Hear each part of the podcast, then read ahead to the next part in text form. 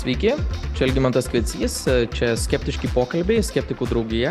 Ir šiandien turim dar vieną pokalbį, pakalbėsim apie moralę, etiką ir apie kitus terminus, kurie siejasi aplink, aplink šiuos. Šį kartą svečiuose Jonas Dagys. Labas. Sveiki. Ir pakalbėsim apie, apie šitą temą iš, iš, iš skepticizmo irgi šiek tiek pozicijos ir panagrinėsim, kokia ta moralės, kokie tai konceptai būna, kaip tą moralę bando filosofai ir galbūt ne tik apibriežti, kaip moralės klausimai yra nagrinėjami šių laikinių mokslinių atradimų, kas susijęs su biologija, neuro, neurobiologija fone, ar tai turi tam tikrą įtaką, sakykime, tiem patiems filosofom mąstantiems šiomis temomis. Ir atsakysim į klausimą, galbūt gale, ar gali netikinti žmogus atlikti moralų veiksmą.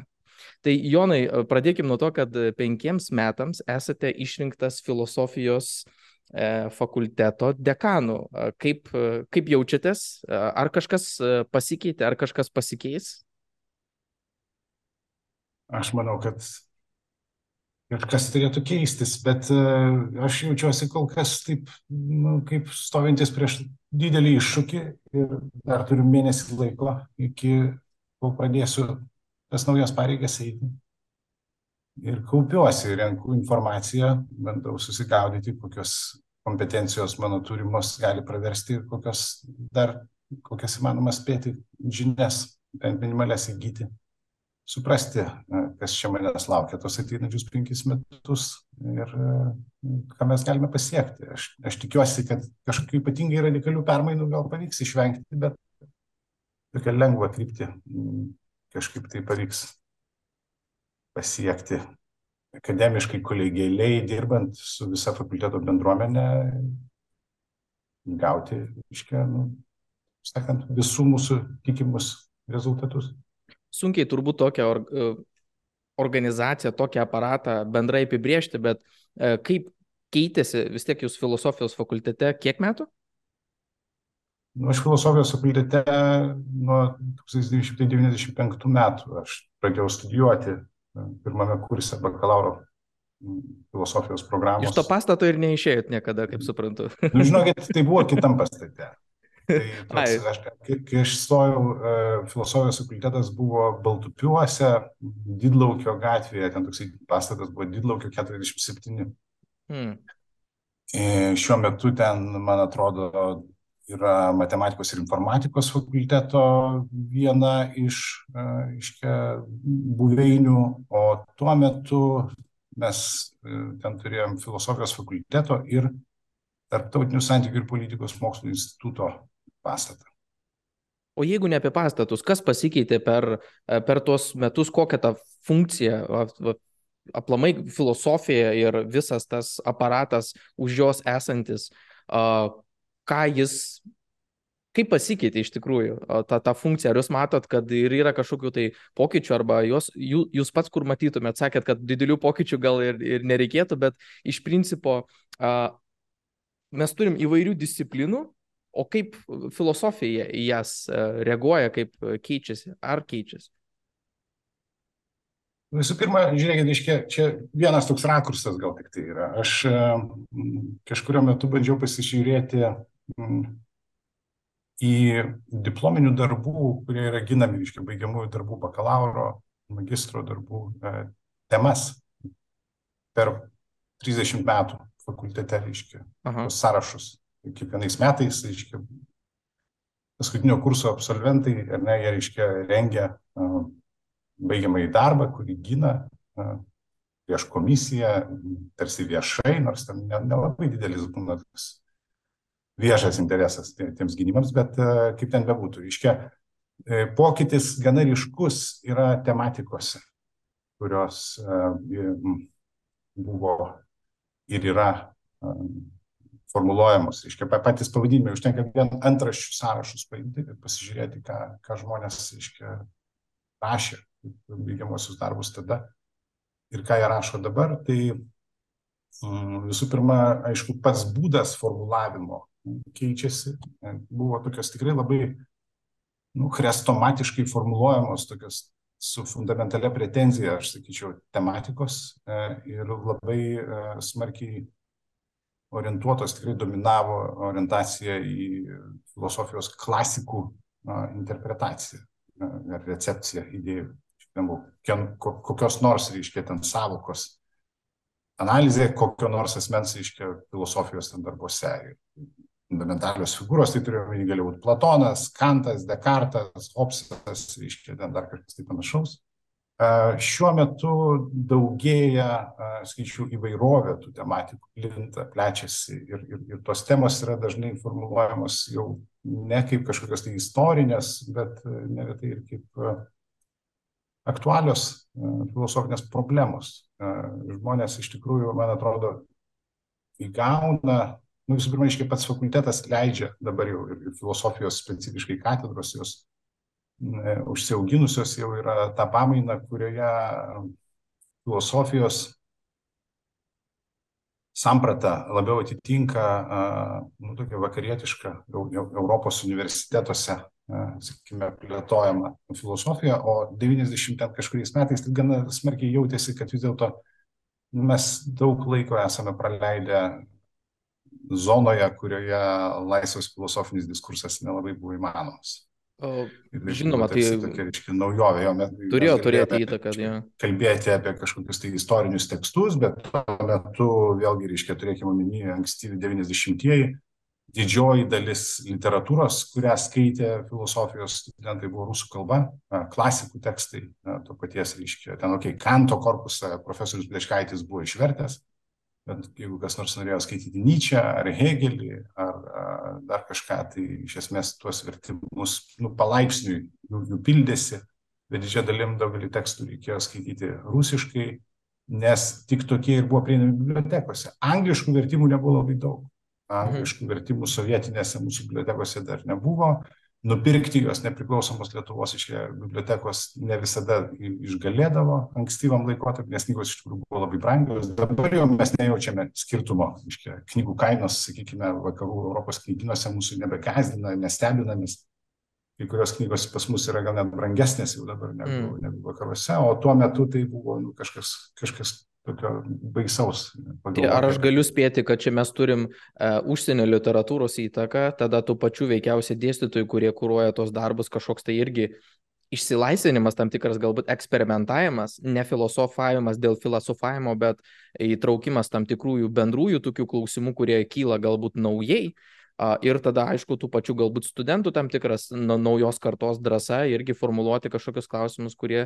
Kaip nu, sakau, be abejo, be abejo, žinoma, informacinio lauko pasikeitimas yra, yra labai, labai, labai ryškus. Jeigu mes lygintume tai, tai, kas buvo prieš 30 metų, kas yra dabar. Tai prieinamumas informacijos yra pasikeitęs e, ir net ne, ne tik dėl to, kad vertimai kažkokie yra atsiradę ir kad žmonės yra įvaldę jau, reiškia, kalbas e, vakarietiškas, kuriomis gali skaityti, bet ir na apskritai e, pats akademinės literatūros prieinamumas dabar yra visiškai kitoks ryšium su skaitmenizacija, su, su elektroninės erdvės atsiradimu. Dar kokiais 2001-2002 metais patekdavęs į kokią nors užsienio biblioteką, kurioje užsimegsdavo, reiškia, ankstyvoj fazėje buvo tas, tas kaupyklos prenumeruojamos didelės akademinių, reiškia, periodinių leidinių duomenų bazės, vadinamos kaip JSTOR ar kažkas tai panašaus, mhm. prie kurių prieigos Vilniaus universitete dar nebuvo.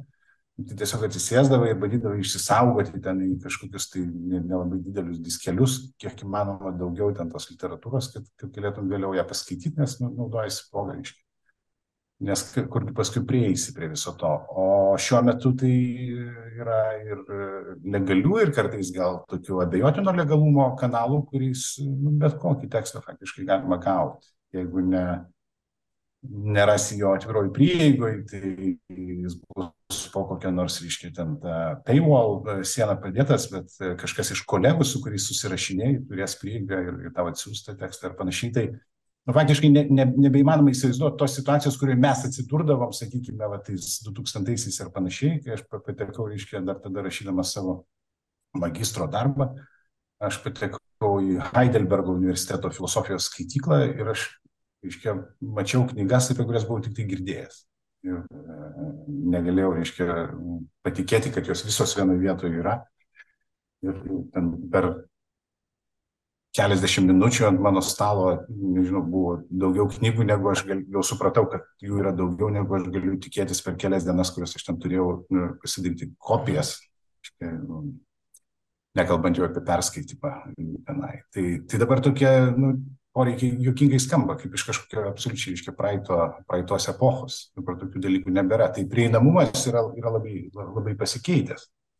Be to buvo fakultete, aš sakyčiau, buvo sąmoningai, programiškai dirbama, siekiant suteikti laisvę žmonėms puoselėti kuo įvairesnius akademinius filosofijoje, reiškia, akademinius interesus, tam, kad kompensuoti va, tą ideologinį, reiškia, ideologinės kontrolės sukurtą vakumą, sakykime, per tą laiką. Ir dabar mes tikrai turime, e, turime to tokio kryptingo nu, tarsi iš kryptingo liberalizavimo, atvėrimo, iš tų institucijos atsiverimo įvairioms šiuolaikinės filosofijos kryptims vaisius, nes mes, mes turime gana įvairią e, interesų plokštę ir gana aukšto lygio kompetencijas joje. Tai e, nu, bet, galim tuo džiaugtis. Aš manau, kad tas, tas pokytis yra pakankamai pozityvus. Puiku.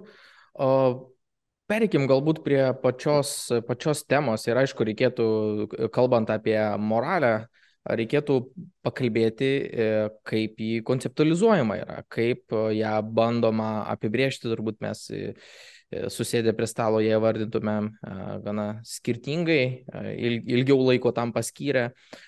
Kaip jūs pats, Jonai, apibrėžėt šitą terminą ir galbūt reikėtų iš karto įvesti ir kitą terminą etika ir ko šitie dalykai iš principo skiriasi, kaip, kaip jie veikia ir pabandykit, pabandykit šitą apibriežti, mums galbūt bus patogiau po to ir e, toliau pasikalbėti. Bet nežinau, ar mes galim tikėtis čia kažkokio tokio visiems primtino šitų terminų apibrėžimo.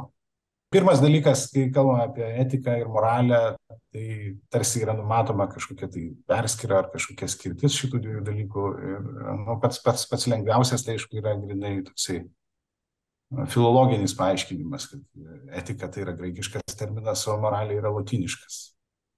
Mes turime, reiškia, suprasti, kad tiesiog ateina iš skirtingų kultūrinių sluoksnių, iš skirtingų kultūrinių sluoksnių mus pasiekia šitie du žodžiai kurie tuo tarpu labai dažnai, ir aš manau, kad tokioj neakademiniuose kontekstuose tai daug dažniau, bet ir akademiniuose ir filosofijoje pakankamai dažnai yra vartojami beveik kaip sinonimai.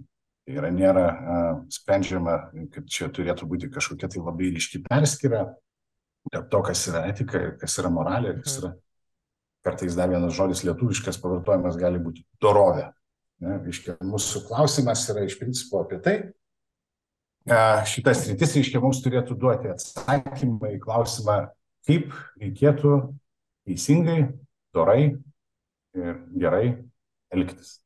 Tai yra elgesio taisyklių sritis. Tai yra žmogaus, aiškiai, nu, tam tikrą prasme, per elgesį žmogaus gyvenimo, apskritai, fundamentalių principų klausimų sritis. Dabar Kartais etika ir moralė yra atskiriamos, nepaisant to, kad dažnai laikomos jos vienu ir tuo pačiu dalyku. Ir tie, kas nori jas atskirti, tai kiekvienas gali turbūt paaiškinti, jau įvesdami kažkokius techninius apibrėžimus, ko, ko, ko čia vienas dalykas nuo kito skiriasi. E, bet taip labai bendrai, tai mano įspūdis yra toks, kad e, moralė yra siejama su asmeninė tokia atsakomybė, su, su individualiu kontekstu, o etika gali būti siejama su tokiu labiau išviešintų, labiau kodifikuotų šitie moralės normų ar, ar, ar taisyklių a, sistema e, su kodifikacija tam tikra. E, nu, Zygmundas Baumanas, pavyzdžiui, savo knygoje Postmodern etika, Postmodern ethics, jisai kalba apie tai, ten yra tokia netgi, reiškia, metafora gana, e, gana mm, svarbi. Yra perėjimas iš, iš, iš tokio moralinio santykio, kuris sieja du individus betarpiškai yra atsiradus trečiam individui, Baumanas sako, įvyksta trečiojo žemės drebėjimas, sukretimas, reiškia, the earthquake of the third, kai pasirodo trečias asmo, tada santykiai nebegali jau būti betarpiški aš ir tu, tokie, reiškia, ten Baumanas šiek tiek apeliuoja į Buberio ir galbūt Levino filosofiją, reiškia, kad, kad, kad tas tikrasis autentiškas moralinis santykis yra tik betarpiškas vieno individuo santykis su kitu. O štai etinis santykis atsiranda tada, kai atsiranda, nu, tai ką galėtume vadinti, visuomenė, kurioje, reiškia, jau atsiranda tam tikras viešas normų ir taisyklių laukas. Nu, ir, ir, ir šitą gal tokį paaiškinimą, to skirtumo galima būtų šiek tiek pastiprinti tuo, kaip žodis etika yra naudojamas tai, tokiuose techniniuose ar, ar profesiniuose cechuose. Mes turime dalykus kaip tarnybinė etika, kaip mokslinio tyrimo etika, kaip, nežinau, kas ten, reiškia, dar galėtų būti, yra įvairių etikų, ar ne? Mm, niekas nekalba apie tarnybinę moralę arba kažkokią tai, reiškia, bio moralę ar, ar panašius dalykus, arba jeigu kalba, tai yra labai labai specifiniai, nu, tokie kontekstai, kuriuose tie terminai yra naujai kūriami, nukalami su savo kažkokiam prasmėm. Tai ta prasme, moralė yra, yra asmeninės atsakomybės reikalas labiau negu etika, kuri numato tam tikrą, reiškia, tokį, tą, tą, tą viešąją atsakomybę prieš, prieš kitus. Ir ten, kur tą skirtumą kažkokį reikėtų bandyti rasti ir pateikti. Bet tikrai neabejoju, kad yra, yra, yra kitų būdų konceptualizuoti šitos skirtumus ir juos nusakyti. Ir jie gali būti irgi neblogai pagrindžiami, išaiškinami tam tikram specifiniam kontekste, su specifiniais interesais. Žmonės gali tą padaryti ar mes kalbam tik tais apie santyki su kitu vėlgi, ar yra tam tikrų filosofijų, kažkokių srovių arba tie, e, kažkokių tai idėjų filosofinių, kurios sakytų, kad moralė gali būti taikytina ir savo, neturint kito. Tie patys principai. Ar jau tada mes turim iš viso kažkokią tai kitą, a, tam tikrą kategoriją, kurį jau ne, nebe, nebegalima uh, įvardinti kaip moralę. Nu, net ir nežinau. Man atrodo, kad e, moralinė atsakomybė e, visada yra susijusi su kažkuo kitu. E, atsakomybė, jinai aišku yra asmeninė, bet taip bandant įsivaizduoti, iškia, tą tokį vieną individą, kuris nesusijęs yra su niekuo visiškai pats savo pakankamas ir neturintis jokių, reiškia, susisaistymų, kokia yra jo formali, reiškia, ten ta tapatybė ir kokia gali būti jo moralė, aš sunkiai įsivaizduočiau. Aš manau, kad moralės e, sritis vis dėlto yra, yra santykis. Yra santykis, kur, kur, kuris kaip tik ir, e, ir, ir sukuria sąlygas ir prielaidas e, tam atsakomybės klausimui kilti. Nes jeigu nieko nėra išskyrus mane, nėra jokių, reiškia, objektų, kuriems aš kažkaip įsipareigočiau. Um, sunku būtų įsivaizduoti, reiškia, aš pats savo pakankamas, pats savo, reiškia, sukuriant, reikėtų tam tikro vis tiek skilimo, kažkokio tai vidinio, kažkokio pokalbį, su savim pradėti gyventi ir, ir, ir ieškoti Čia... reiškia, to, to santykio, kuriame kažkas galėtų vykti, ne? Mhm. Kaž, kažkokia steigtis, kažkokia tai, nu, va, ta moralės sritis. Sekantis mano klausimas yra, kaip yra su tuo moralės ir e, etikos konceptualizavimu skirtingose kultūrose, jeigu taip grubiai apibrėžiant. Tai mano tas e, klausimas dėl e, moralės savo šiek tiek galbūt susijęs su tom kultūrom, kurios turi gilias meditacijos, kūno askezės, tokias koncepcijas, kai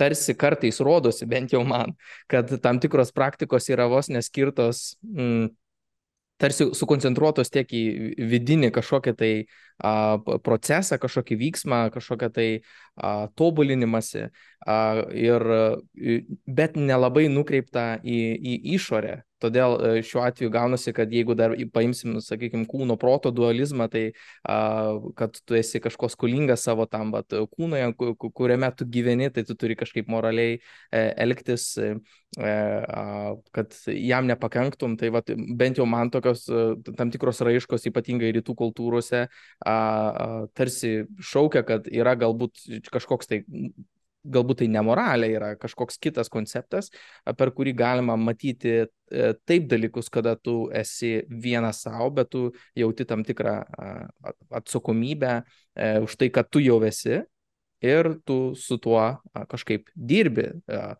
kažkaip tą racionalizuoji ir, ir bandai kažkaip su tuo tvarkytis. Kaip jūs pakomentuotumėt ir galim pereiti tada į, į, į sekantį klausimą dėl tų skirtingų konceptualizavimų skirtingose kultūrose, galbūt taip bendrai galime apibriežti, ar mes turim kažkokių aiškių skirtumų. Nu, čia reikėtų mums pasikviesti keletą specialistų, reiškia, rytų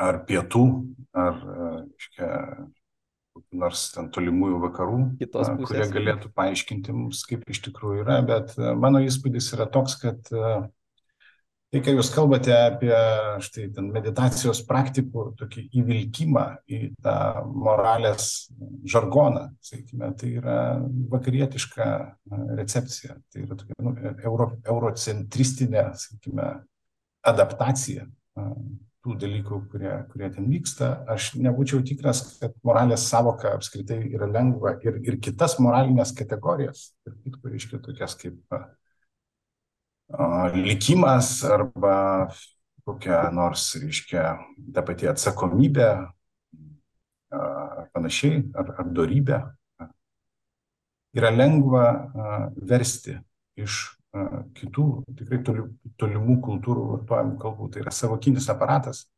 Veikiausiai nėra, ten, kur nėra, reiškia, to, tokio individualistinio apskritai požiūrio į žmogų, kuriame ta individuo samprata yra tokia galbūt abstraktesnė arba labiau ištirpusi, kur yra takesnė tapatybė ir panašiai, e, yra, ko gero, sunkiau apskritai pritaikymą.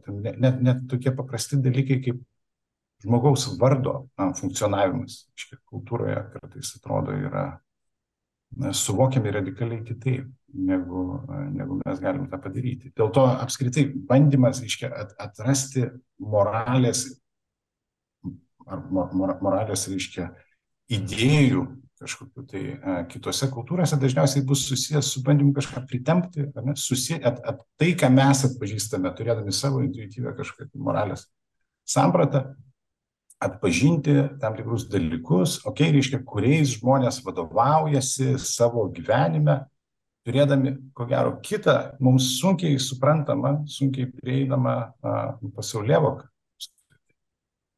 Toje vietoje tas, man atrodo, kalbėjimas apie moralę ir etiką, apie moralės filosofiją, etika kaip specifiškai iškia filosofijos disciplina, kurioje teoriškai apmastomi yra moralės ir dorovės dalykai, jisai e, yra veikiau vakarų kultūros, kuri, na, nu, taip dabar, iškia, dažnai yra kalbama apie tai, kad reikia dekolonizuoti, iškia, šiek tiek pasaulis yra pernelik, intelektualinis pasaulis pernelik tam tikrų metų buvo užgoštas baltųjų, mirusių, reiškia, vyrų idėjų ir kad reikėtų, reiškia, įleisti įvairių kitų tapatybių, kitokių mąstymų, kitokių, reiškia, konceptualinių schemų į visą šitą reikalą. Ir manau, kad moralė yra tas rytis, kaip tik, kurioje ryškiausiai turbūt tas vakarietiškas pradas prasimuša. Nes mes dažnai atėjome. O kodėl, ieškome. kodėl turit omeny e, ryškiausiai, kaip tai reiškiasi, kokia ta raiška būtent to vakarietiško nu, tai raiška yra per, per sąsąją, vėlgi aš čia taip rizikingai labai kalbu, nes improvizuoju, reiškia bandau sakyti tai, ką intuityviai nujaučiu ir ką reikėtų atskirai tikrinti, bet esu įstikinęs, kad ta, ta, etikos ir moralės savokos, taip kaip mes jas suprantame, yra susijėtos su individu reiškia, atsakomybės dalykais su individualaus, reiškia, su, su, su žmogaus, kuris yra toks, ar iš Aristotelio, reiškia, metafizikos paimta savoka, pasakykime, individuali substancija, individuali būtis. Ir be tų prielaidų tokių metafizinių sunkiai galima būtų apie kažkokią tai moralės sritį kalbėti. Tai man atrodo, kad pati idėja, reiškia pati savoka iš savęs, jinai, jinai, jinai slepia, nu, nu, grinai tokį vakarietiškos kultūros sąrangą.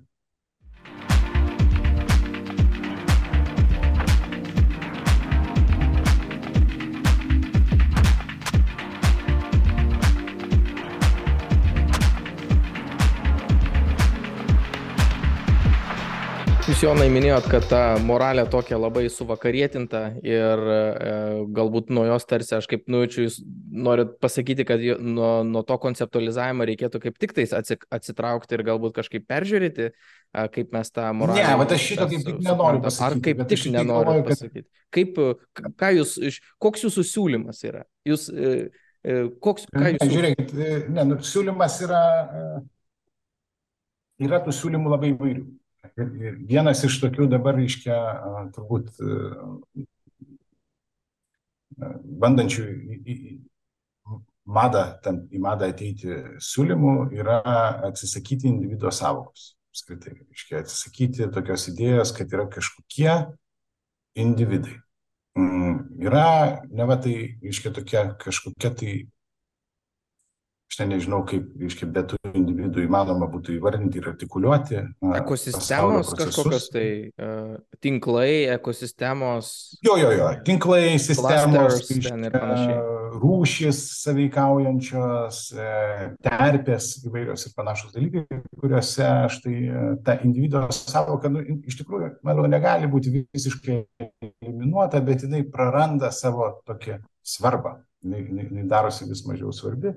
Bet tuo pačiu čia, čia yra toksai konceptualinis pavojus, nes o kas tada yra moralės subjektas?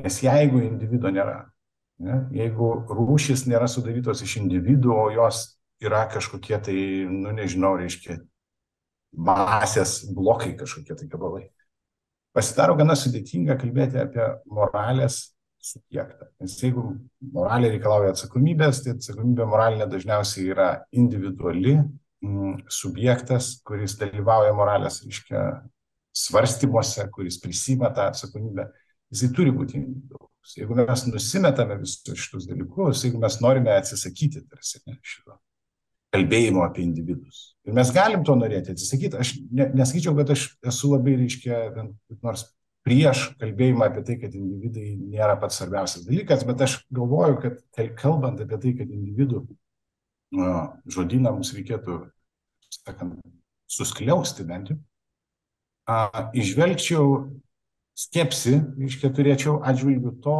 kad vis dar įmanoma prasmingai kalbėti apie moralės dalykus. Moralės sprendimai yra priimami e, individų, kurie įsipareigoja tiems individams. Jeigu mes išmetame šitą lygmenį, tai jeigu aš tampu nebe individu, o save konceptualizuoju kaip rušies atstovą arba konceptualizuoju save kaip aplinkos, reiškia, sistemos elementą kažkokį tai. Kas ir, ir, ir, ir individualumo čia nebėra, vietos individualumui nebenoriu palikti. Kas yra moralės subjektas? Čia aš, reiškia, vat, kaip skeptikas dabar jau pasisakau, reiškia, ne, ne visai galbūt taip, kaip jūs įsivaizduotumėt, kad uh, skeptikų draugijai tam priklausytų tą daryti, bet sakykime, reiškia, vat, nepasitikėjimą aš matyčiau tame nori, aš suprantu motyvus. Noras yra įtraukti kuo daugiau, reiškia, e, aplinkos aspektų į moralės savokos, sakykime, taikymo lauką, nes yra ta e, rūpeščio aplinka, aplinkos sauginė, reiškia, ta klimato katastrofiškos kaitos, reiškia, e, visa istorija. Ir Ir čia vėl, iškia, mes turime atsakomybę tam tikrą prisimti, kažką daryti ir panašiai. Bet jeigu mes dalyvaujame šitame diskusijoje, mes išmesdami individuo savoką, rizikuojame nuplauti ir atsakomybės savo. Ir tada, at, kur, kur, kur yra visas tas moralumas. Tai viena motivacija yra labai, labai nebloga. Iškia, motivacija paversti, tarsi, nu, galbūt ne visai moralės subjektais, bet moralės objektais, ne, reiškia įvairių lygmenų gamtos, reiškia, ne tik tai padarėlius, bet ir reiškinius. Ne? Ledynus, reiškia, galbūt tenai kažkokie tai tam tikrą atmosferos žinau, sluoksnį. aš, aš žinau apie, apie ką kalbat. Kristupui Saboliui turėtumėt ką pasakyti ir turbūt nekartą esate diskutavę įvairiuose formatuose. Jo, jo, mes kartais, kartais Bet, šiek, e, šiek tiek pasišnekame. Ar, ar aš, nu, pa, pavyzdžiui, jūs e, kalbėjote irgi apie tą mm, dinkstantį tą e, subjektą, o ar, ar gaunasi taip, kad jeigu tu nori perkelti tam tikrą tą moralinę atsakomybę ant kažkokio tai uh, to kažkokio tai valstybės, nesakykime, kažkokios tautos arba kažkokios grupės ar rušies, tu turi turbūt atlikti ir kitą darbą. Tu turi tą konceptą tos tautos rūšies arba irgi suvienyti, kad tu galėtum perkelti tą moralės tam tikrą tą jausmą arba atsakomybę. Tai gaunasi tam tikras e, E, tu turi e, imtis kažkokiu tai veiksmų, kad e, tuos pa, pa, pabirusius daiktus vėlgi kažkaip konceptualizuoti ir sakyti, kad vat, jūs turėtumėt prisimti šitą atsakomybę. Aš galbūt, ar tiktų pavyzdys, ką jūs įvardėjot, vat, tas pats Ukrainos-Rusijos karas. Irgi, kai bandoma tam tikras moralės, moralės e, tokį, tokį, tokį šydą užmesti ant, ant visos tautos ir sakyti, kad a, vat, jūs turit prisimti šitą moralinę atsakomybę kolektyviai. Aš aišku, iš karto e, disclaimerį nurodysiu, kad skeptikų draugė tikrai palaiko Ukrainą ir čia kalbos nėra kur, tačiau a, e, iš, iš karo fone kyla įvairių klausimų ir įvairių problemų. Tai viena iš tų, apie kurią irgi diskutuojame, yra apie tą valstybinę, tam tikrą tautos, a, tą tokią moralinę atsakomybę, a, ku, kuri irgi turi būti kažkaip tai, mes turim tada, jeigu norim užmesti ant rusų atsakomybę, turim tada jau sumesti vieną katilą ir sakyti, kad jūs esate nu, visi vienodi ir va čia yra jums ta moralinė atsakomybė, jūs visi su jie ir tvarkysitės dabar. Ką jūs galėtumėt pakomentuoti apie tai? Aš irgi palaikau Ukrainą vienareikšmiškai šitam konflikte, nu, net, net neapsiverčia, kad jis liežuvis konfliktų, tai vadinti, tai yra tiesiog už, užpuolimas, reiškia, jie buvo tiesiog užpulti. Ir kolektyvinės atsakomybės ir kolektyvinės kalties klausimas čia iš tikrųjų yra opus, dažnai apie tai kalbama. Bet čia tikrai bet netika, manau, kad... bet mes kalbam ne apie etiką, tikrai jau čia. O kodėl? Ne, žiūrėkit, čia viskas tvarkoja. Reiškia, kaip visa tauta pasidaro atsakinga už uh, tai, kas vyksta. Arba, reiškia, ten kažkokia tai grupė asmenų kokioj nors kitoj situacijoj pasidaro atsakinga už tai, kas kažkur tai buvo padaryta ar, ne. Aš manau, kad bet kokiu atveju nusileidžia visą tai iki individualios atsakomybės. Atsakomybės kolektyvinės sunkiai galima įsivaizduoti, ta prasme, kad tu gali būti kaltas arba atsakingas kolek, kaip kolektyvo dalis, jeigu tu vis dar tapatinėsi su to kolektyvu, tu vis dar laikai save šito, sakykime, reiškia, šitos tautos atstovu.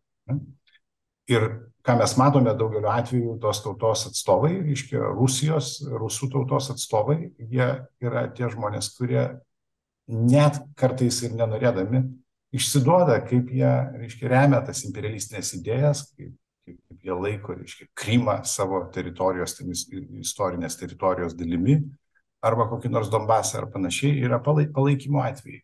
Aš nemanau, kad mes turėtume uh, užmesti tą kolektyvinę atsakomybę ir kaltę, reiškia, pagal etninius ar kraujo kažkokius tai uh, ne, požymius, ar genetinius požymius ir sakyti, kad visi, kurie turi bent lašą rusiško kraujo, yra, reiškia, dabar atsakingi už invaziją į Ukrainą. Manau, kad mes galime atpažinti tikrai daug žmonių, kurie etninio to reiškia genetiškai, ar ne, turintis, reiškia, kažkokią tai geno, reiškia, genomą iškodavus, galima būtų aptikti tam reiškia, Rusijos populiacijai būdingą tam geno segmentą savaime neturėtume jiems užmesti tos atsakomybės. Atsakomybė yra, reiškia, politinė. Ne. Nei pagal jokį kriterijų, jūs turite omeny, gali būti, nu, jūs vat, genetiškai kraujo gali būti pagal sieną, pagal sienos ribas, per dar kažką. Ar jūs turite omeny, kad pagal jokį ne, tai kriterijų? Pagal lojalumą, pagal, pagal lojalumą dabartiniai Rusijos valdžiai ir idėjoms, kurias ta valdžia skleidžia ir veiksmams, kurie tų idėjų pagrindų yra atliekami. Tai kitaip jeigu sakant, matome, jeigu, žmonės... jeigu neprotestuoja žmonės, e, tai... tai jie atsakingi už tai. Jie atsakingi yra. Turbūt jo, čia toks gana gaunasi paprastas išskaičiavimas. Ne, nu tai, matot, tokio apskritai, tokio subjekto na, veikimo kaip valstybė, nu, kaip ir metafiziškai nelabai yra. Jisai valstybė susideda iš, iš žmonių, kurie yra tos valstybės piliečiai, kurie išsirenka savo vadovybę ir, ir, ir, ir kurie veikia. Mes visada matome kažkokius tai asmenys veikiančius. Tai aišku, šiuo atveju yra sudėtingas tas klausimas dėl to, kad yra ta apologetika, kuri sako, kad štai Putinas per šitiek metų jisai ten suzombino tą tautą, reiškia, ar panašiai, bet ta tauta nu, dalyvavo tame zombinime vienu ar kitu būdu. Mes negalime atimti iš jų individualios valios, iš kiekvieno, reiškia, piliečio, negalime atimti visiškai to atsakomybės už pasidavimą tam zombinimui, už, už, už tą leidimą, reiškia, būti suzombintais ir panašiai. Tas nusikėlimas, atsakomybės nuo, nu, jos nukėlimas nuo individų man atrodo, yra, yra visiškai e, e, nu, toks neatsargus e, žingsnis.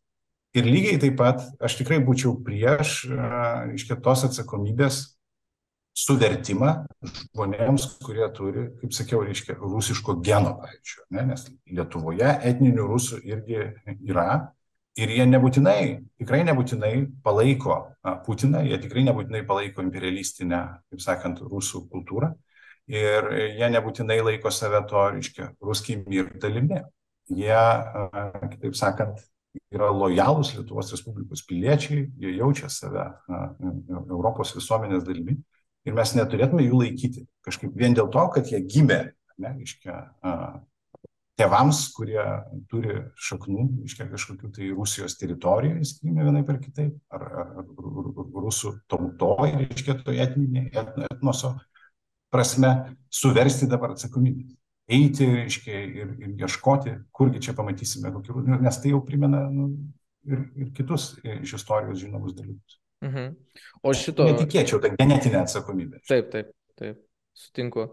O šito karo, karo fone, kaip, kaip manot, kaip pasibaigs šitas karas, šitas konfliktas, ar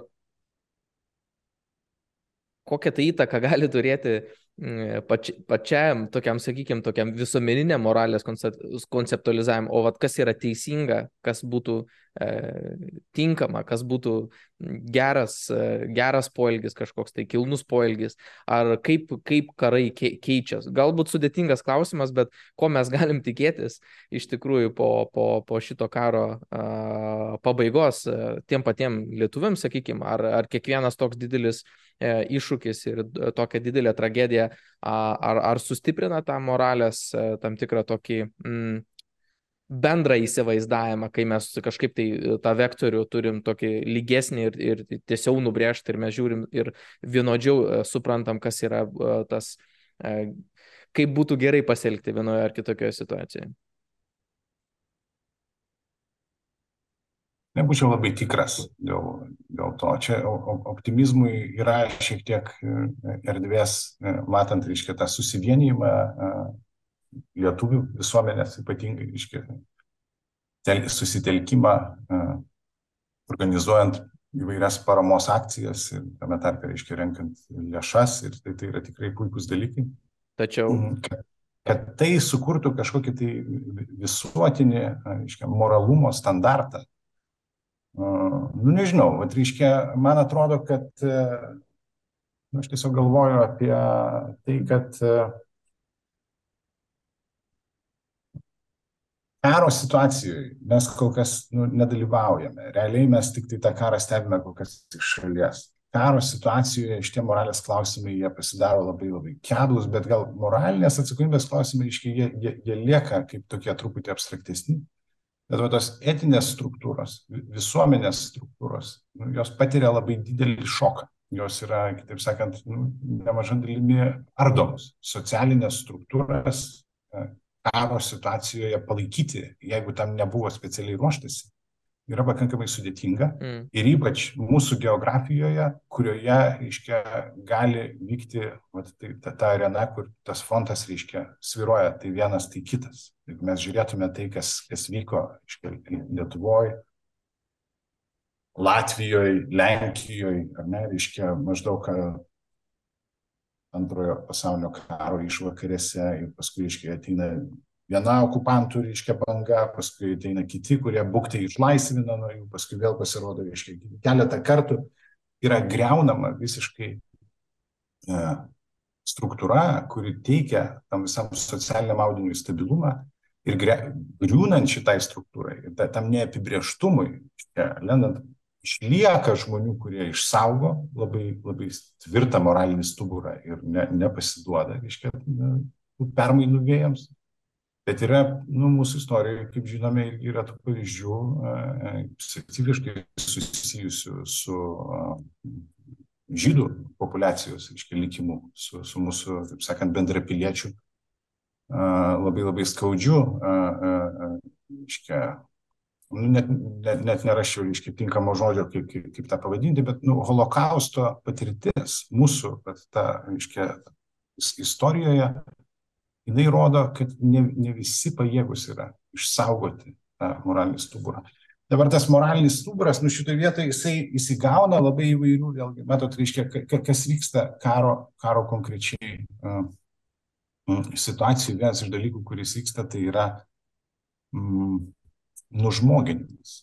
Reiškia, nu, nu nužmogėjimas, tam tikrą prasme, sudaiktinimas. Toks yra, reiškia, redukcija asmens į tam tikrą kažkokią tai kolektyvinę etiketę, į kažkokią tai grupę ir tos grupės nužmoginimas. Mes matome tą viešajame diskurse, štai uh, rusų propagandos, ar ne, mes matome, kokiais epitetais ir kokiais būdais yra bandoma aprašinėti nuolatos, reiškia, uh, ukrainiečius, ne, Ukrainos valdžią, Ukrainos apskritai gyventojus. Jie ten yra ir nacistai, ir fašistai, ir dar kažkokie, reiškia, tai yra naudojamos senos rusų šiaip jau kultūroje įsitvirtinusios klišės naratyvinės, ne, yra užmetami tam tikri tokie stereotipai, kurie žmogų prieš tave atsidūrusi paverčia e, nebe moralaus elgesio objektų, o priešingai, reiškia, verčia tave kaip tą moralės subjektą, su juo elgtis kaip tuo, kuris tam laukia jokių moralinių teisių, kažkokių tai neturi.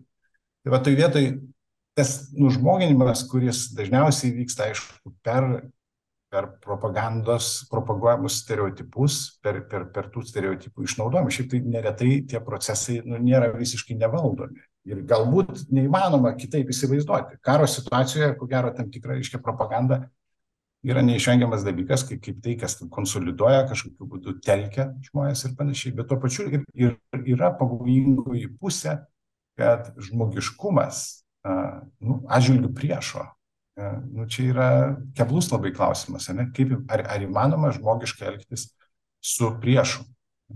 Kur tas priešas, jisai iš tikrųjų toksai nu, kolektyvinis priešas. Tai čia, čia, čia jokio to moralaus, tokio individuo santykių su individu apskritai nebelieka. Kare labai sunku įsivaizduoti, nors yra tų, reiškia, pasakojimų antro pasaulinio karo, reiškia, epizodų skaitant. Kučių vakarą, reiškia, nusprendžia fronto pusės skirtingos, iškia, tiesiog nebe šaudyti, o pagėdoti gesmeles, kažkaip tai tenai tam tikrose vietose draugiškai. Man tai tos istorijos skamba, skamba tokios kaip migla tam tikra, kuri migla paslėpti dideliai tragedijai ir parodyti, kad tam uh, totaliam nežmogiškume, antžmogiškume e, yra kažkoks krislas žmogiškumo, bet čia kaip su homeopatija, ta prasme, to net nesijaučia. Ten to nėra iš tikrųjų, mes prisimenam tik tai kelias to, tokias istorijas. O... Taip, tai tos kelios istorijos yra, bet tai, vat, jūs klausėte, reiškia, kaip ten karo sąlygomis išlaikyti ar ne kažkokį tai moralumą. Nu, tai vat, tos kelios istorijos, ko gero, parodo, bet jos irgi yra tokie trumpalaikiai epizodai, nes, okei, okay, tos kučios pasibaigė, išsimiegojome, taip sakant, ir vėl einame dirbti. Iš kitos pusės sunku pasakyti, aš irgi ne, ne, ne karo ekspertas, nes, nestebiu visų įvykių, bet tas pats, sakykime, bent jau tos kūriamos, neaišku, kaip iš tikrųjų yra, ne, negaliu pasakyti aš, bet tos bent jau kūriamos keletas tų istorijų, kurias galima matyti, pavyzdžiui, iš uh, Ukrainos karių sulaikytų belaisvių ir uh, tam tikro tokio etiško, mora, uh, uh, morališko elgesio su jais, uh, tam tikri pavyzdžiai, uh, matosi, kad ir tos pačius lietuvius labai stipriai įkvėpia. Tai turbūt tai uh, padaro, tos kelios istorijos padaro gana nemaž, nemažą poveikį. Tik yra klausimas, kaip po to mes sužinom, kiek ten uh, kas iš tikrųjų vyko. Nes istorija yra istorija, bet kas iš tikrųjų vyko visada irgi įdomu panagrinėti. Aš norėčiau šiek tiek grįžti atgal ir jūs irgi buvot minėjęs apie tam tikras filosofinės suroves, kurios irgi nagrinėja moralės, moralės klausimus per naujus kažkokios žiūros kampus ir įtraukia, sakykime, į moralės tą tokį diskursą kažkokius tai naujus darinius ir platesnius ir jiems užmeta tos moralės klausimus. Ir norėjau paklausti, kaip filosofijos sritį aplamai galbūt ir moralės iš tikrųjų įtakoja arba įtakos, darys įtaką moksliniai atradimai, kurie yra susiję su žmogaus psichologija, neuromokslai, antropologija. Turiu meni, kai yra vis daugiau duomenų apie tai, kaip mes kokios e, smegenų sritis suaktyvėja, tyrimai apie tai, kaip mes atrandam tam tikrus moralų elgesį primatų grupėse ir kitose e, gyvūnuose. Ir kaip mes tada nu, per, peržiūrim kitaip, iš kur, ta, iš kur tas moralus elgesys gali kilti arba kažkokios tokios normos, kaip jos bendruomenėse, ne, nebūtinai žmonių, bet ir E, gyvūnų bendruomenėse kyla, kokią tą įtaką padarė galbūt e, tam tikrom filosofijos kryptim arba galbūt ateityje ir, ir, ir darys. Ar filosofija šiuo atveju e, eina konservatyvių tokių keliu ir per daug nesižvalgo ir nagrinėja a, anksčiau patiktas tam tikras e, um, idėjas, ar gana lankščiai prisitaiko ir, ir, ir žiūri jau, e, kad e, tas moralaus elgesio šaltinis gali būti ne tik žmogus, bet ir gyvūnas. Kaip su tais gyvūnais ir žmogum? Filosofija yra labai įvairi. Filosofija turbūt yra nu, iš, iš, iš akademinių disciplinų viena labiausiai pasižyminčių pluralizmų. Ten galima rasti labai įvairių idėjų. Tai be abejo, kad yra filosofų, kurie į jokius empirinius duomenis nebus linkę atsižvelgti ir galvos, kad uh, moralės sritis tai yra racionalaus svarstymo tokio a priori, iškia, principų lygmenyje uh, klausimas, objektas. Ir mhm. jokie empiriniai duomenys, jokia statistika, jokie fiziologiniai atradimai, jokie antropologiniai ir kiti atradimai nepakeis šitų principų nes šitie principai yra išvedami, reiškia, iš kažkokių tai ten ar tai transcendentalinių praktinio proto struktūrų ar panašių dalykų ir tiesą sakant, empirika čia nelabai prie ko. Yra kita, reiškia, tokia grupė, sakykime, filosofų, tokia labiau naturalistiškai nusiteikusių, kurie galvoja, kad kaip tik filosofinės idėjos jos turi atsižvelgti į gamtos mokslus, sakykime, atradimus, į faktus, kuriuos mes sužinome, tobulindami savo rimtą mokslinį e, žinojimą.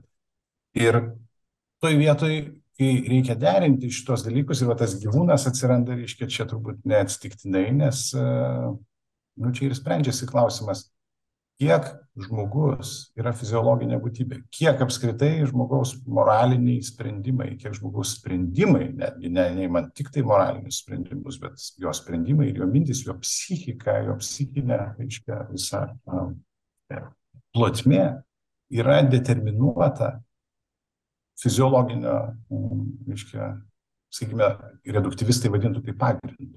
Jeigu mes priimame tokią materialistinę koncepciją, pagal kurią visi psichiniai reiškiniai yra fiziologiniai reiškiniai, tik tai patiriami kitų būdų, iš, iš kitos, iš pirmo asmens perspektyvos, bet nepaisant to, tai, ką tu išgyveni, kai išgyveni skausmą ar kokią nors skonio pojūtį, ar matai kokią nors spalvą, iš tikrųjų yra, kaip teigia, reiškia, psichofizinio na, materializmo atstovai, na, iš tikrųjų yra materialūs procesai, fiziologiniai procesai, kurie vyksta veikiausiai, reiškia, smegenyse ar nervų sistemoje. Tai tada vienas iš klausimų, kuris kyla ir kuris šiaip jau yra labai svarbus moralės apskritai svarstymams, nes, kaip minėjau, moralės viena iš tokių fundamentalių kategorijų yra atsakomybė. Atsakomybė savo ruoštų reikalauja laisvės. Negali būti atsakingas už tai, ką darai nelaisvai ir vienas iš klausimų, kuris taip pat iškyla, tam fiziologiniam tokiam vaizdė žmogaus, tai yra, o kaip yra su laisva valia? Ar yra toks dalykas apskritai? Ar žmogus būdamas gyvūnas, kaip ir visi kiti gyvūnai, reiškia, tiek, kiek jisai turi savo kūną, tiek, kiek jis yra fiziologiškai, fiziologinis organizmas, fiziologiškai funkcionuojantis organizmas, kurio funkcionavimą determinuoja gamtos dėsniai, kuriuose, reiškia, netgi atsitiktiniai dalykai yra determinuoti vis dėlto, reiškia, fizinės plotmės, kiek šitoje vietoje yra vietos laisvės apsisprendimo laisvės ar veikimo laisvės ar kažkokios valios laisvės kategorijai. Ar, ar yra realistiška iš viso kalbėti apie tai, kad kas nors turi laisvą valią. Tai vienas iš dalykų, kuris suproblemina šiaip jau gana smarkiai visą moralės diskursą, tai yra tas e, pavojus, kuris ir šiaip jau šitą dalyką nu, jautė turbūt nuo pat ankstyvo laikotarpio, sakykime, moralės sergėtojai įvairūs, reiškia, dorovės sargai išvelgdavo tam tikrą tokį, reiškia, destruktyvų potencialą šita, šito diskurso atžvilgių, moralės diskurso atžvilgių, destruktyvų potencialą gamtos, apskritai, eksperimentinės gamtotyros, tai vadinamos, reiškia, gamtos pažinimo, sužinojimo, kad žmogus yra nekas kita kaip fiziologinė būtybė. Tai čia tas proto nu, sužinojimo, čia aš taip jau šališkai kalbu, nes kai kurie nevadintų to žinojimu, sakytų, kad tai yra tik tai mokslinė fikcija, Priimame.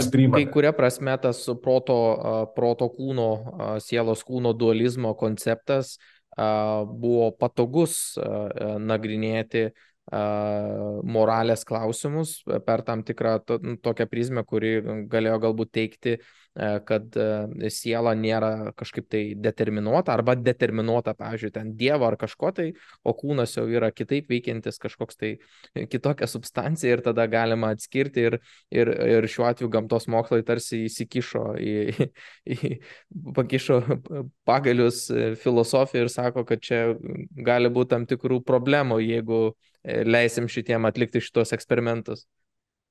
Nu taip, atima labai reikšmingą plotmę, kuri kalbėjimui apie moralę yra būtina. Faktiškai, kaip reikėtų įsivaizduoti moralinę atsakomybę, jeigu mes atsisakome valios laisvės. Ir mes šitos, reiškia, šiek tiek komiškus galbūt elementus, reiškia, to, to, to išsisukinėjimo ar atsakomybės nu, nu nusimetimo galime aptikti net kai, kai, kai kurių teismų, reiškia, praktikoje, reiškia, kai advokatai kokie nors gindami savo, reiškia, ginamą kriminalinį nusikaltelį, JAV, pasi tikrai tokiu atveju galima rasti, teigia, kad nusikaltimą žmogus padarė kaip ir ne savo apsisprendimu, bet kažkoks fiziologinis sutrikimas jo galvoje, reiškia, privertė jį tai daryti, ar kažkas tai, kas sąlygojo jo dabartinį būvį, reiškia, kuris privedė jį prie nusikaltimo, e, fiziologiškai determinavo, bet tai yra ne, ne jis, o tai yra kažkas tai kito. Tada kas, kas yra tas atsakomybės subjektas, jeigu mes kalbame apie žmogų, kuris e, iš tikrųjų yra, ne kaip humanistai, iškia fizikalistai, humanistai sakytų, ne kas kita kaip fiziologinė būtybė, kas galėtų būti va, to atsakomybės, iškia, prisėmėjas. Ir tada reikalingas perkonceptualizavimas. E, perkonceptualizavimas ir moralinių vertinimų, ir moralinių atsakomybių, ir e, galbūt bausmės kategorijos, tam tikro, reiškia, vat, kriminologinio diskurso peržiūrėjimas, kur praktikos galbūt neturi pasikeisti, tai, kas daroma, gali būti daroma ir toliau, žmonės, iškia, galima uždarinėti ten įvairias, iškia, laisvės atimimo įstaigas ar panašiai, bet jau dabar negalvojant, kad tai yra kokia nors bausmė, kuri juos kažkokiu būdu, reiškia, nežinau, ten atstato kokį teisingumą, ar yra atpildas jiems už tai, ką jie padarė, bet reikia galvoti kažkaip kitaip, reikia įsivaizduoti, kad tai yra tam tikro proceso, kuriame jau tas, ta atsakomybės kategorija sunkiai gali veikti. Nu, bet čia vat, panašiai, kaip mes kalbėjome prieš tai, ne, kai, kai, kai nori atsisakyti to individuo savokos, kas lieka, reiškia, vat, toj tokioj keistoj gam, gamtos, reiškia, masėje visoje, kur, kur, kurioje tų individų nebeišskiriame, kur, kur įmanoma fiksuoti tos, reiškia, moralinės atsakomybės e, taškus. Nelabai aišku, kur prisekti tas moralinės atsakomybės. Lygiai tas pats pasidaro su žmogum, kuris yra visiškai, reiškia, su, suvedamas į fiziologinės struktūras. Ar, Tas yra gana problemiška. Ar iš e, naturalistų pusės e, yra kažkokių tai įtikinančių argumentų, kaip tą reikėtų daryti, nes aš kaip suprantu, čia yra tam tikra nu, rimta gana filosofinė problema. Ar, ar, ar esat girdėjęs įtikinamų teiginių, kaip visą tai reikėtų apibriežti, ar čia daugiau yra, kaip sakėt, kad mm, tam tikros, sakykime, jeigu žmogus uh, turi tam tikrą diagnozę, tai tada koncentracija yra į ne patį individą uh, kaip o, o vieni, kuris neša kažkokią moralinę atsakomybę, bet tada yra klausimas, kaip jo to individo kažkokį tą, tą defektą E, čia e, apibriežti, kaip jį sutvarkyti, pašalinti tą de defektą ir gražinti tada jį atgal į... Jo, arba pašalinti tą de defektą, arba jeigu jo pašalinti neišeina, tai tada kaip jį atriboti nuo, nuo, nuo kitų, kuriems, aiškiai, kelia kokį nors pavojų ar panašiai. Aš nesu tyrinėjęs, aš nebejoju, kad gali, gali būti, kad yra kažkokių tai bandymų perrašyti, reiškia, tą, tą gestalto posakį, reiškia, kažkaip tai pakeisti ir išgelbėti tą moralės e, diskursą suderinant, kompatibilistiškai suderinant jį su visišku determinizmu ir sakyti, kad mes vis dar galime kalbėti apie kažkokią moralę ir apie atsakomybę net ir tada, kai mes neturime e, tos laisvos valios.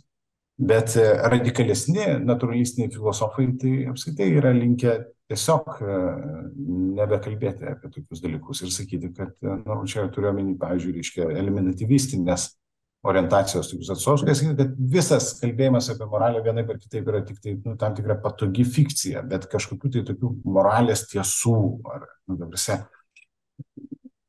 teiginių apie moralę, kurie galėtų būti teisingi tokia prasme, kokie teiginiai apie gamtinį pasaulį gali būti teisingi, tiesiog nėra. Visa tai gali būti suprasta kaip tam tikra toksai folk, ar ne, reiškia teorija, mm. kaip, yra ten folk psychology, kurie mes kalbame apie skausmą, kalbame apie jausmus. Tai iš tikrųjų tokių dalykų nėra, nes viskas galų galia yra tik tai a, a, fiziologija. Tai lygiai taip reiškia, va, tas, ta, nu, nu, nuleidi tą, tą, tą diskursą ir tada nu, atsiranda toksai, ko gero, reiškia, va, nu, vienas iš rezultatų, ką mes, ką mes galbūt reiškia ir, ir, ir, ir, irgi galime kažkur tai matyti. E, loginiai pozitivistai, tokia buvo labai stipri e, kryptis e, analitinės filosofijos tradicijoje, siejami su tokiu vienos rateliu, vienoje, iškia, ketvirtajame dešimtmetyje, buvo tokia loginio pozitivizmo arba loginio empirizmo mokykla, kuri prasidedant antram pasauliniam karui nemažai dalimi išsisklaidė, persikėlė į Junktinės Amerikos valstijas, ten Rudolfas Karnapas, iškia, dirbo toliau ir kai kurie kiti, reiškia, atstovai. Bet vienos ratelio viena iš idėjų buvo, kad štai moralės klausimai yra pseudo klausimai, nes jie empiriškai, faktiškai neišsprendžiami.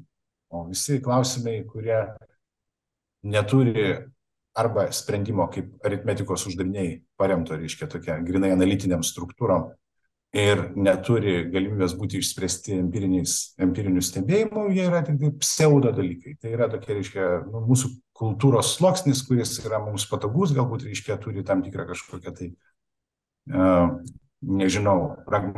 geriausiu atveju pragmatinę vertę, bet nieko bendro su tiesa jie čia neturi. Tai štai loginių pozityvistų,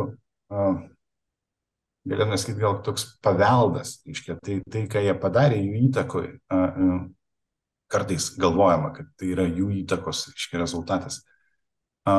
Moralė atsiduria už racionalaus svarstymo ribų.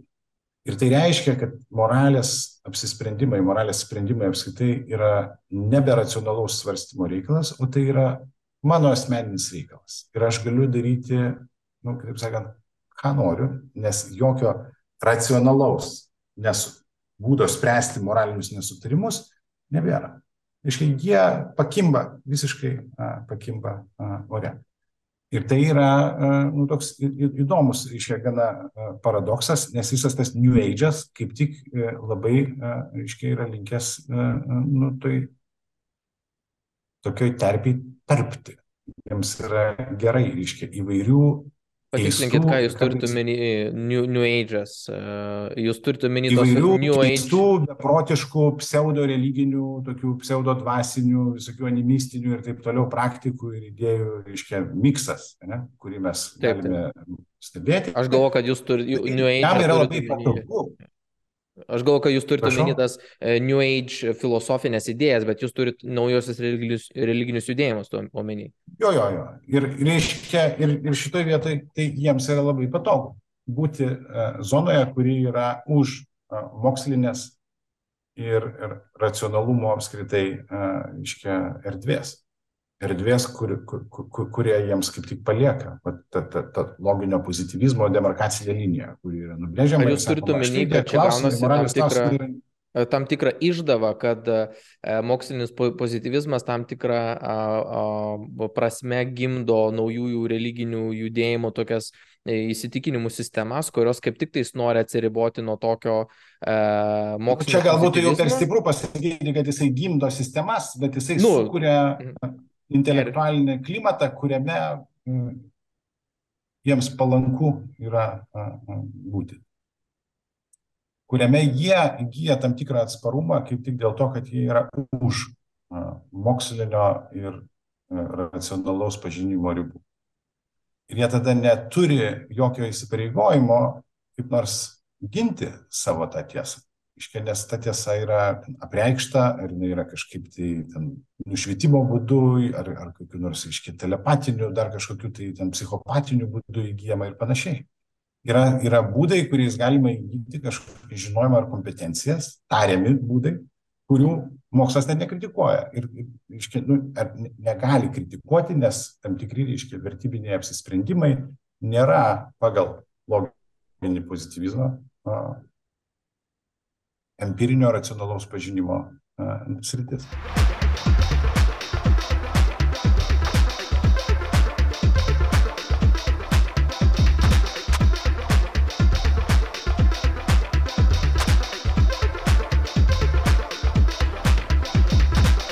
Jūs jau užsiminėte apie naujosius religinius judėjimus, tai aš šiek tiek norėjau į tą pusę pakreipti pokalbį ir paklausti apie tą e, moralės to e, šaltinio su personifikavimą ir įvairius pasiūlymus, kaip tą moralę kildinti, apibriežti, kažkaip uždokumentuoti. e, ir ją padaryti tokią, nu, kažkokią tai statišką tam tikrą prasme. Tų pasiūlymų yra įvairių ir jūs kalbėjote irgi apie mokslinius pozityvistus, apie naujus religinius judėjimus, bet turim ir tas tradicinės religijas, kuris, kurios yra linkusios su personifikuoti uh, moralės tą steigėją į kažkokį tai dievą ir į kažkokį tai asmenį, tada turėsim galbūt naujų religinių judėjimų, tam tikrus pasiūlymus, aišku, ten spektras labai didelis, bet galbūt turėsim kažkokius pasiūlymus, kad visata yra kažkokia tai neapibriešta steigėja, tam tikrų principų, kuriais visi čia vadovaujamės, arba pozityvistai sakys, kad taip, visatos principais čia viskas remiasi, nes viskas determinuota ir mes turim e, tos visatos dėsnius, kažkokius fizikinius, e, kvantinius dėsnius, pagal kuriuos. Tai va, tokios trys kaip ir grupės stambiausios. Bent jau aš jas taip grupuoju, nežinau kaip jūs. E, kokie dar tų, tų pasiūlymų yra ir kodėl toks super, supersonifikuotas e, moralės teigėjo vaizdinys e, toj mūsų istorijoje pasirodė toks gana limpantis visuomeniai. Krikščionybė, pavyzdžiui, turiu menį, arba ar islamas. Nesuprantama, jo, monoteistinės religijos. Taip, taip, taip, taip, kai mes turim to supersonifikuotą tą būtent steigėją moralės. Aš nežinau, ar aš čia turiu kokį nors atsakymą, ar, ar, ar, ar galiu kažką kompetitingo pasakyti, bet man atrodo, kad moralėje apskaitai labai svarbus dalykas yra visais atvejais. Turbūt ir, ir yra bandoma, reiškia, numatyti svarbą to, kad yra kažkokios ribos. Reiškia, turi būti kažkokios tai ribos. Ir daugeliu atveju yra noras tas ribas universalizuoti ir jas, jas paversti universaliomis. Ne, tai yra ne konvencinės ribos, tai yra ribos, kurias nubrėžia kažkas, kas yra galingesnis už mus, reiškia, kas yra daugiau negu mes, kam filosofai kartais naudoja tokį žodį kaip absoliutas. E, absoliutumas, reiškia, e, yra tai, kas ko gero yra laikoma būtina sąlyga moralės tam tikrų normų, moralės normatyvumo apskritai pagrindų iš kur galėtų kilti normatyvumas, tai iš to, kad yra kažkas, kas peržengia mūsų prigimti, mūsų, reiškia, apskritai pajėgumus, kas yra už mus galingiau, kas yra už mus aukščiau, ar ten dar kažkokią metaforą galima būtų pritaikyti. Ir savaime pripažinti, kad moralės principas yra tiesiog galingesnis už mane, kad aš jam nusilenkiu, aš jam, iškia, aš pripažįstu jį kaip tai, be ko negalėčiau gerai nugyventi gyvenimo ir sudėtingiau, gerokai sudėtingiau, negu priimti jį tam, tikro, tam tikrų tokių, nu, kai, kai, kai kurie, iš kai kurių perspektyvų žvelgiant, supaprastintų pavydalu šiek tiek konkretizuotų pavydalu, su, sudaiktintų, sužmogintų, suasmenintų ar dar kažkaip tai su nu, antropomorfizuotų vienai per kitaip pavydalu. Tai yra su, suvedant į, į, į, į, į tai, kas, kas žmogui viena vertus lengviau suprasti, kita vertus lengviau perduoti, paaiškinti. Tai aš sakyčiau, kad Jo, kad, kad tai ir yra ta, ta, ta, ta jėga, reiškia, su kuria mes čia turime reikalą. Ar galima būtų sakyti, kad ta, čia yra ir tam tikras saugumo jausmo, gal tam tikras užtikrinimas, e, kai e, tu turi tam tikras normas, kurios yra tam, e, jų kildinimas yra tarsi nepasiekiamas arba tik pasiekiamas kažkokiai tai grupiai, kuri, kuri žino, kaip ten su juo tvarkytis, kurie kažkaip ten kažkokiu būdu aukštesni už kitus ir tu negali prisikasti prie to moralės to šaltinio, negali jų, jo kaip ir sunaikinti, negali jo kaip ir, prie jo bet kas negali prieiti. Ir tas moralės šaltinis būdamas kažkur, duoda tam tikro tokio saugumo jausmą, kad jeigu mes sutarėm e, dėl tų moralės tam tikrų normų, e, kad aš galiu būti saugus bent jau tam tikrą laikotarpį, kad prie jų nieks neprilys, ir nepakeis jų. Ir aš galiu savo gyvenimą gyventi moraliai, tikėtis, kad ir kiti moraliai elgsis panašiai.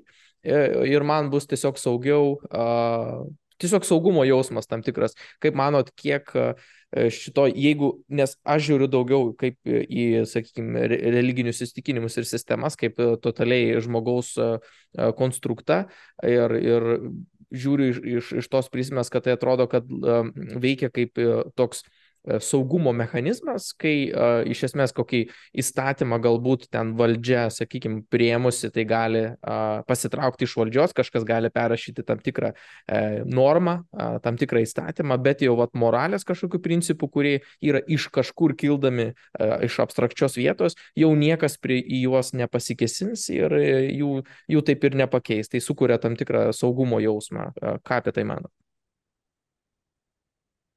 Net ir nežinau, ar, manau, kad tai gali sukurti saugumo jausmą, bet tai gali kurti ir tam tikrą nesaugumo jausmą, kai tas moralės šaltinis, kaip jį vadinate, reiškia, jeigu jis yra asmuo ir dar yra nuolat, reiškia, kartojama nuo vaikystės tam, tam tikroje aplinkoje augant, kad jis tave stebi visą laiką, mato keurai, reiškia, permato ir panašiai.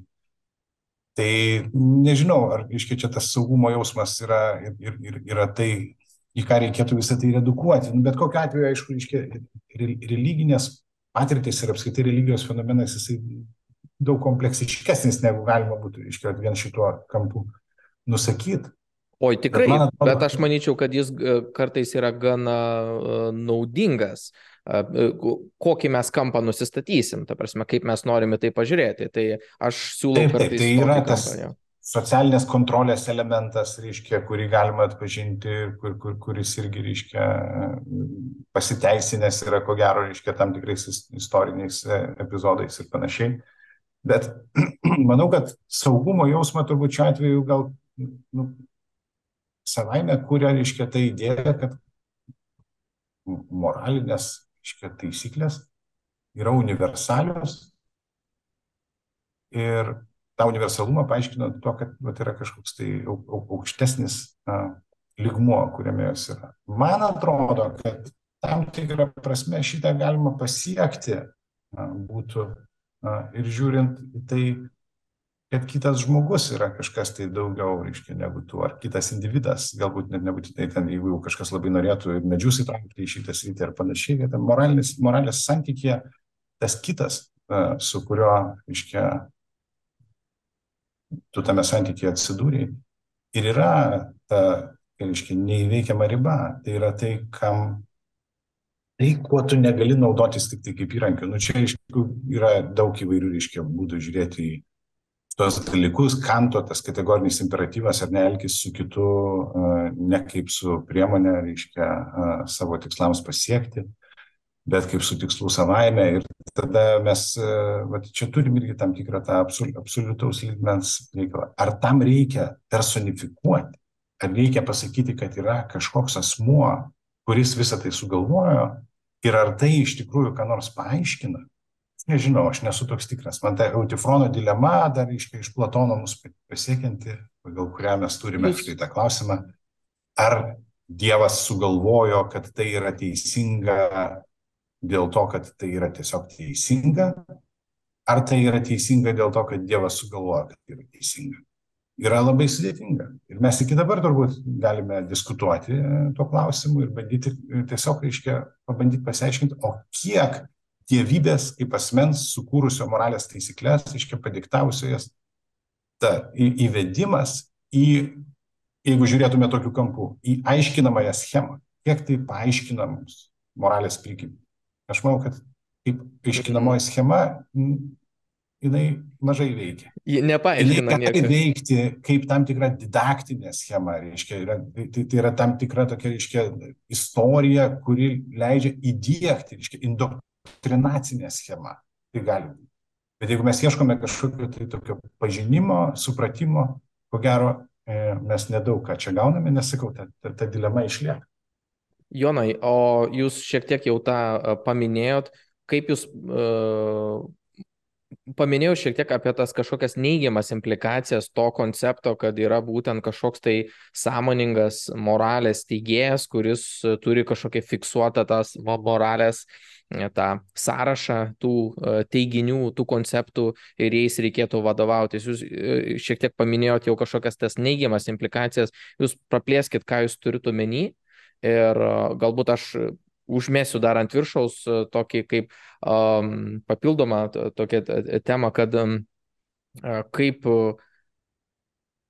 turim, turim pluralistinę visuomenę, demokratiją, konstitucinę santvarką, tačiau tokių pasaulietinę visuomenę, tačiau tokių kultūrinių kampų, kampų žiūrint, tas moralės be Dievo tokia galimybė atrodo tokia labai e, neįmanoma. Ir, ir kai mes turime įvairias kažkokias tai šventes, e, kažkokius tai viešuosius įprasminimus e, ir kalbėjimus apie tą moralę, mm, bent jau viešoje erdvėje labai nu, pasigendu, beveik nematau Uh, sakykime, kalbėjimo apie moralę be Dievo iš viso kaip įmanomybę kažkokią tai. Tai jaučiuosi labai keistai dėl to ir pasigendu ir diskurso. Ką Jūs manot apie tam tikras implikacijas tokio koncepto e, taip giliai įaugusio į, į bent jau li, li, lietuvišką tokį folklorą ir visuomenę, tai tikrai bent jau mano manimu.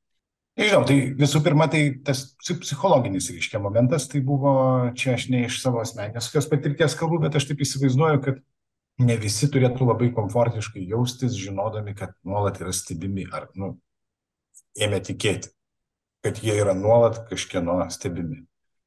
Galbūt kažkas tai gali saugiau jaustis galvodamas, kad visi kiti yra stebimi, bet pats, reiškia, neturėdamas jokio privatumo, žmogus nebūtinai turi labai saugiai jaustis. Iš to ateina įvairūs, reiškia, tokie gali ateiti.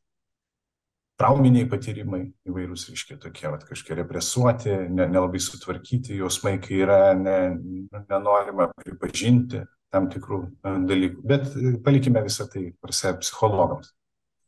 Man atrodo, kad jūs esate teisus, sakydamas, kad e, ateizmas apskritai yra, nu, tokia moralinė stigma, tai visai neikti Dievo buvimą yra šitoje krikščioniškoje tradicijoje, kurioje mes, reiškia, visuomeniai, katalikiškoje, gana, reiškia, nu, smarkiai, nepaisant to, kad, reiškia, praktiškai tai ten nelabai daug tų tikrų katalikų rasi toj visuomeniai, bet per gyventojų surašymą vis tiek didžioji dalis pasako, kad jie yra Romos katalikai, neikti Dievo buvimą, sakyti, kad aš netikiu, kad egzistuoja Dievas, kuris yra asmuo, e, neikti jų, reiškia, dogmas, yra laikoma amoraliu dalyku.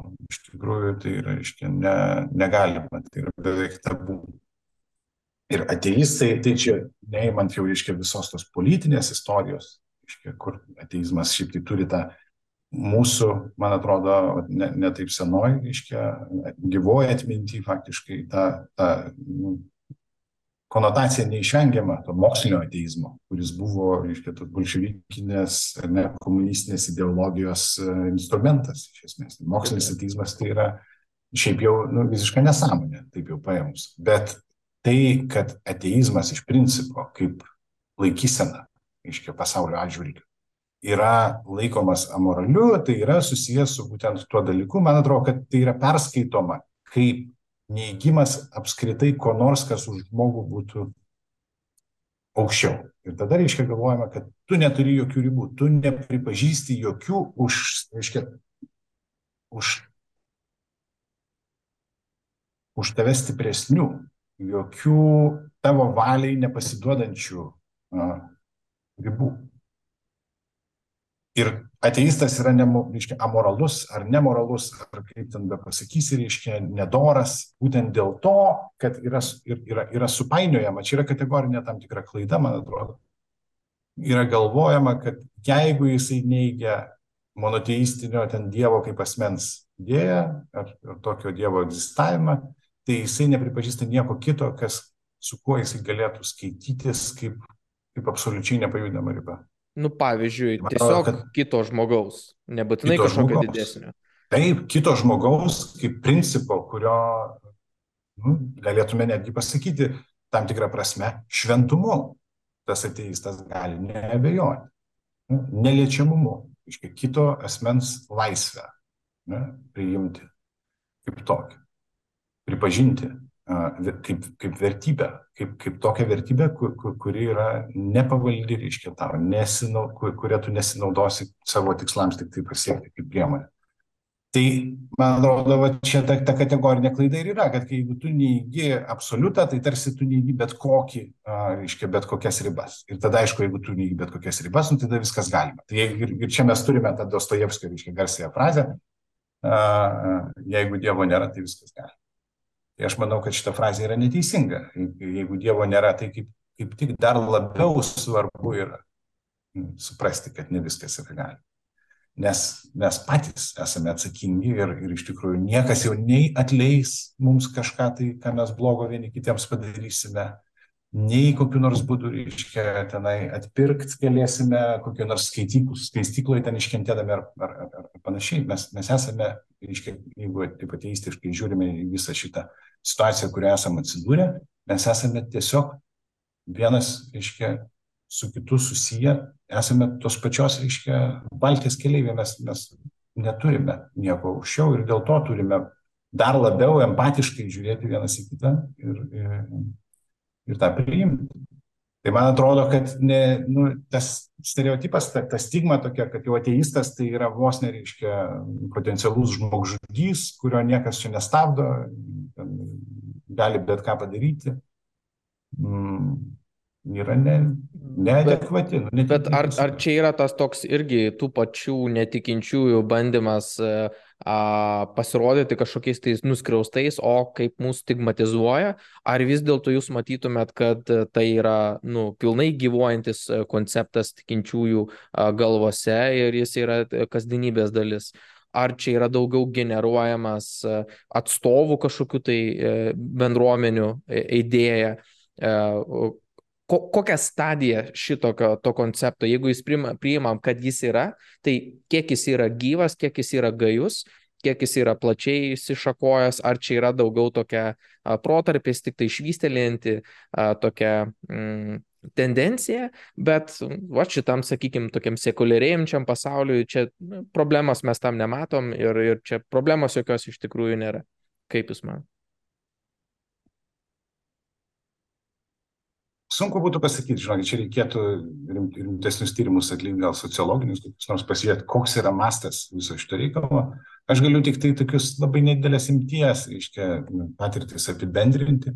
Man toks įspūdis, kad nemažai mano, reiškia, matytų žmonių, kurie identifikuoja save kaip tokius, reiškia, tarsi kultūrinius, ar, ar, ar kaip jie ten pavadintų, reiškia, katalikais, save iš tikrųjų tą daro iš tokios inercijos ir sąsaja yra e, tarp religijos ir moralės jiems įskiepita kažkurioje vietoje ir jiems atrodo, kad tiesiog, reiškia, ne, nepadaru būtų manyti, kad, kad gali būti kažkaip tai kitaip. Ar tai yra labai destruktyvu šitai visai visuomeniai ar kultūrai, aš nežinau, čia jau reikėtų rimčiau, tikrai sakau, tyrinėti ir žiūrėti, kiek kažkas dėl to nukenčia. Nu, tokių, kad, kad mes turėtume kažkas tai e, fizinio smurto, reiškia, prieš ateistus apraiškas, aš nu, lyg ir negirdėjau, kad pastaruoju metu būtų kažkokie tai tokie išpoliai neapykantos prieš e, netikinčius. Bet kad žodis ateistas turi neįgiamą konotaciją, tai nu, be jokios abejonės. Tai Jonai, pabaigim gal tuo tada, praėjo tas pokalbis, kaip jūs manote tada, iš kur ta moralė kyla ir kas ją kūrė?